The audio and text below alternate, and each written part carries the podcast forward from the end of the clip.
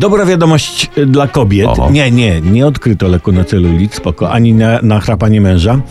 Według raportu Światowego Forum Ekonomicznego, jeśli zmiany będą dokonywały się w takim tempie jak teraz, to pełne równouprawnienie kobiet pod względem dostępu do edukacji i opieki zdrowotnej, szans na rynku pracy czy wysokości zarobków nastąpi, uwaga, tadam, już za 202 lata.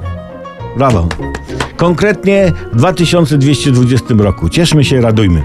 No na razie Polska pod względem równouprawnienia mieści się w pierwszej 42 państw i zajmuje, skupcie się, 42 miejsce.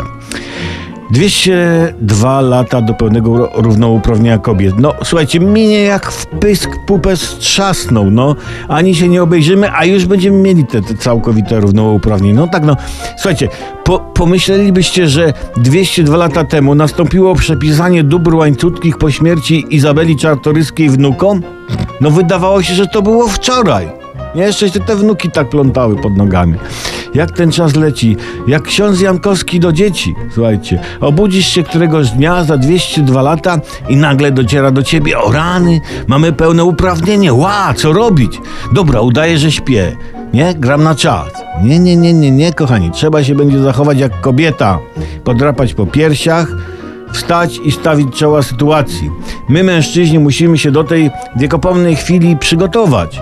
Już teraz należy trenować, żeby nas ten moment pełnego równouprawnienia nie zaskoczył. I zacznijmy od pomagania paniom przy porządkach przedświątecznych. A później to już jakoś poleci chyba, nie?